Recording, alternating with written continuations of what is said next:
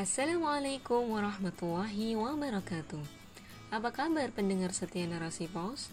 Berjumpa kembali bersama saya Armina Azza dalam rubrik Opini. Kali ini dengan judul Al-Quran dijadikan bungkus petasan. Negara tak bisa diandalkan.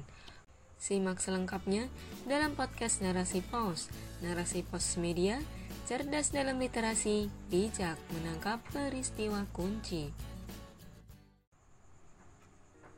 Belum usai, rasa sakit akibat ulah Mr. Kece, umat Islam harus kembali mengelus dada dengan ditemukannya potongan kertas Al-Quran yang dijadikan bungkus petasan.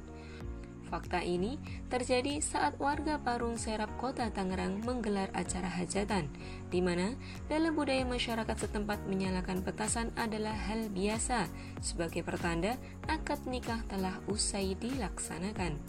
Namun tak disangka, di antara puing petasan tersebut berserakan kertas berlafazkan ayat Al-Quran. Ketua Umum Majelis Hukum dan HAM Pimpinan Pusat Muhammadiyah, Trisno Raharjo mengecam pelaku yang menjadikan kertas Al-Quran sebagai pembungkus petasan. Ia meminta aparat kepolisian mengusut pelakunya, baik sengaja atau tidak. Harus diproses sesuai hukum karena dalam kondisi apa pun, lembar Al-Quran dilarang dijadikan media pembungkus. Hal ini sebagaimana yang diberitakan oleh sindonews.com pada tanggal 12 September tahun 2021 demokrasi menyuburkan pelaku penistaan. Kasus berulangnya penistaan terhadap Islam, ajaran, serta simbol-simbolnya bukan hal yang baru terjadi di negeri ini. Bahkan di luar sana pun kasus serupa sering terjadi. Para pelaku terus menampakkan batang hidungnya, tak sungkan menampakkan kebencian serta penghinaannya terhadap Islam. Sebab mereka sadar tindakannya tidak berdampak serius pada dirinya, Terlebih, ada payung hukum bernama HAM yang siap melindunginya. Kalaupun kaum muslim meradang, seluruh dunia mengecam cukup keluarkan senjata andalan. Maaf.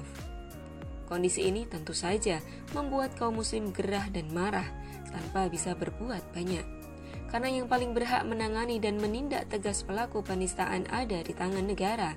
Sementara, negara yang tegak di tengah kaum muslim hari ini bukan negara pembela syariat, melainkan negara boneka pembela korporat.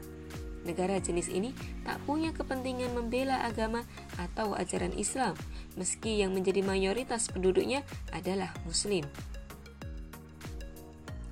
Tengok saja, ketika berita ini mencuat ke permukaan, adakah penguasa negeri ini bersuara? Sekedar basa-basi pun tak ada, apalagi berharap mengerahkan tentara menangkap pelaku dengan segera. Mengapa?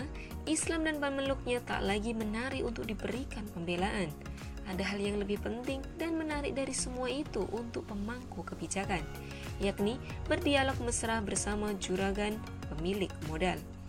Inilah fakta miris yang harus diterima masyarakat ketika negara mengadopsi ideologi demokrasi kapitalisme sebuah ideologi yang menjadikan materi sebagai tujuan bernegara dan berbangsa.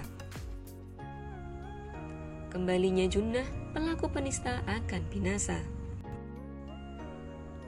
Ketiadaan Junnah atau perisai pasca diruntuhkannya oleh Laknatullah Kemal Pasa Ataturk dengan sekutunya membuat kehidupan kaum muslim dilanda krisis multidimensi yang berkepanjangan ada penjagaan akidah, akal, jiwa, keturunan, harta, dan juga negara, sebagaimana makosid syariah yang dibebankan syarak kepada pemimpin negara.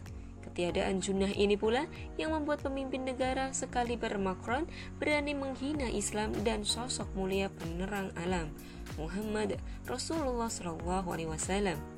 Secara personal, bisa saja kaum muslim memberikan sanksi tegas kepada pelaku pelecehan dan penistaan terhadap Islam dan simbolnya.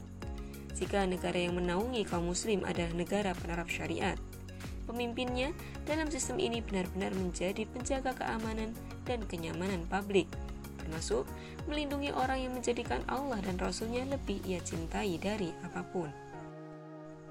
Dikisahkan, di masa Rasulullah SAW ada seorang sahabat buta yang memiliki budak wanita berakhlak buruk pencela Rasul. Setiap hari tak pernah sedikit pun diluatkan untuk menghina dan mencaci Nabi SAW. hingga beberapa kali lelaki buta ini memperingatkan sang budak tak jua diam. Ia baru terdiam saat lelaki buta itu menghujamkan pisau ke tubuhnya. Berita ini sampai kepada Rasulullah SAW pada pagi harinya, lalu beliau bersabda, Saksikanlah bahwa darah wanita itu tidak bisa dituntut. Hadis riwayat Abu Dawud.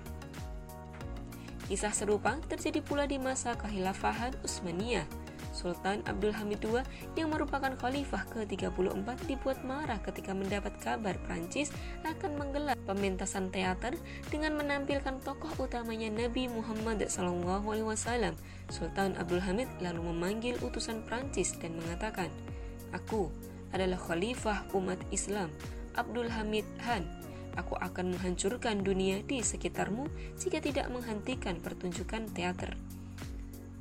Pertunjukan itu pun akhirnya dibatalkan, mengingat ancaman dari Khalifah Abdul Hamid II bukan main-main, bukan sekedar gertakan, tapi betul-betul akan mengerahkan pasukannya dengan semangat jihad yang begitu membara. Manakala mereka mengetahui Nabi Shallallahu Alaihi Wasallam tercinta di Nista. Dengan dua gambaran kisah di atas mempertegas bahwa hanya negara Islam yang berperan sebagai penjaga. Di belakangnya, umat akan berlindung dari berbagai serangan yang mengancam. Rasulullah SAW telah bersabda, Sesungguhnya iman itu perisai, di mana orang-orang akan berperang di belakangnya dan berlindung, dan musuh dengan kekuasaannya. Hadis riwayat Bukhari dan Muslim. Hadirnya Junah di tengah umat butuh perjuangan seluruh kaum muslim agar kehidupan aman dan nyaman segera terrealisasi. Begitupun kasus penistaan terhadap Islam dan simbolnya akan dibasmi tuntas dengan keberadaannya. Wallahu a'lam bishawab.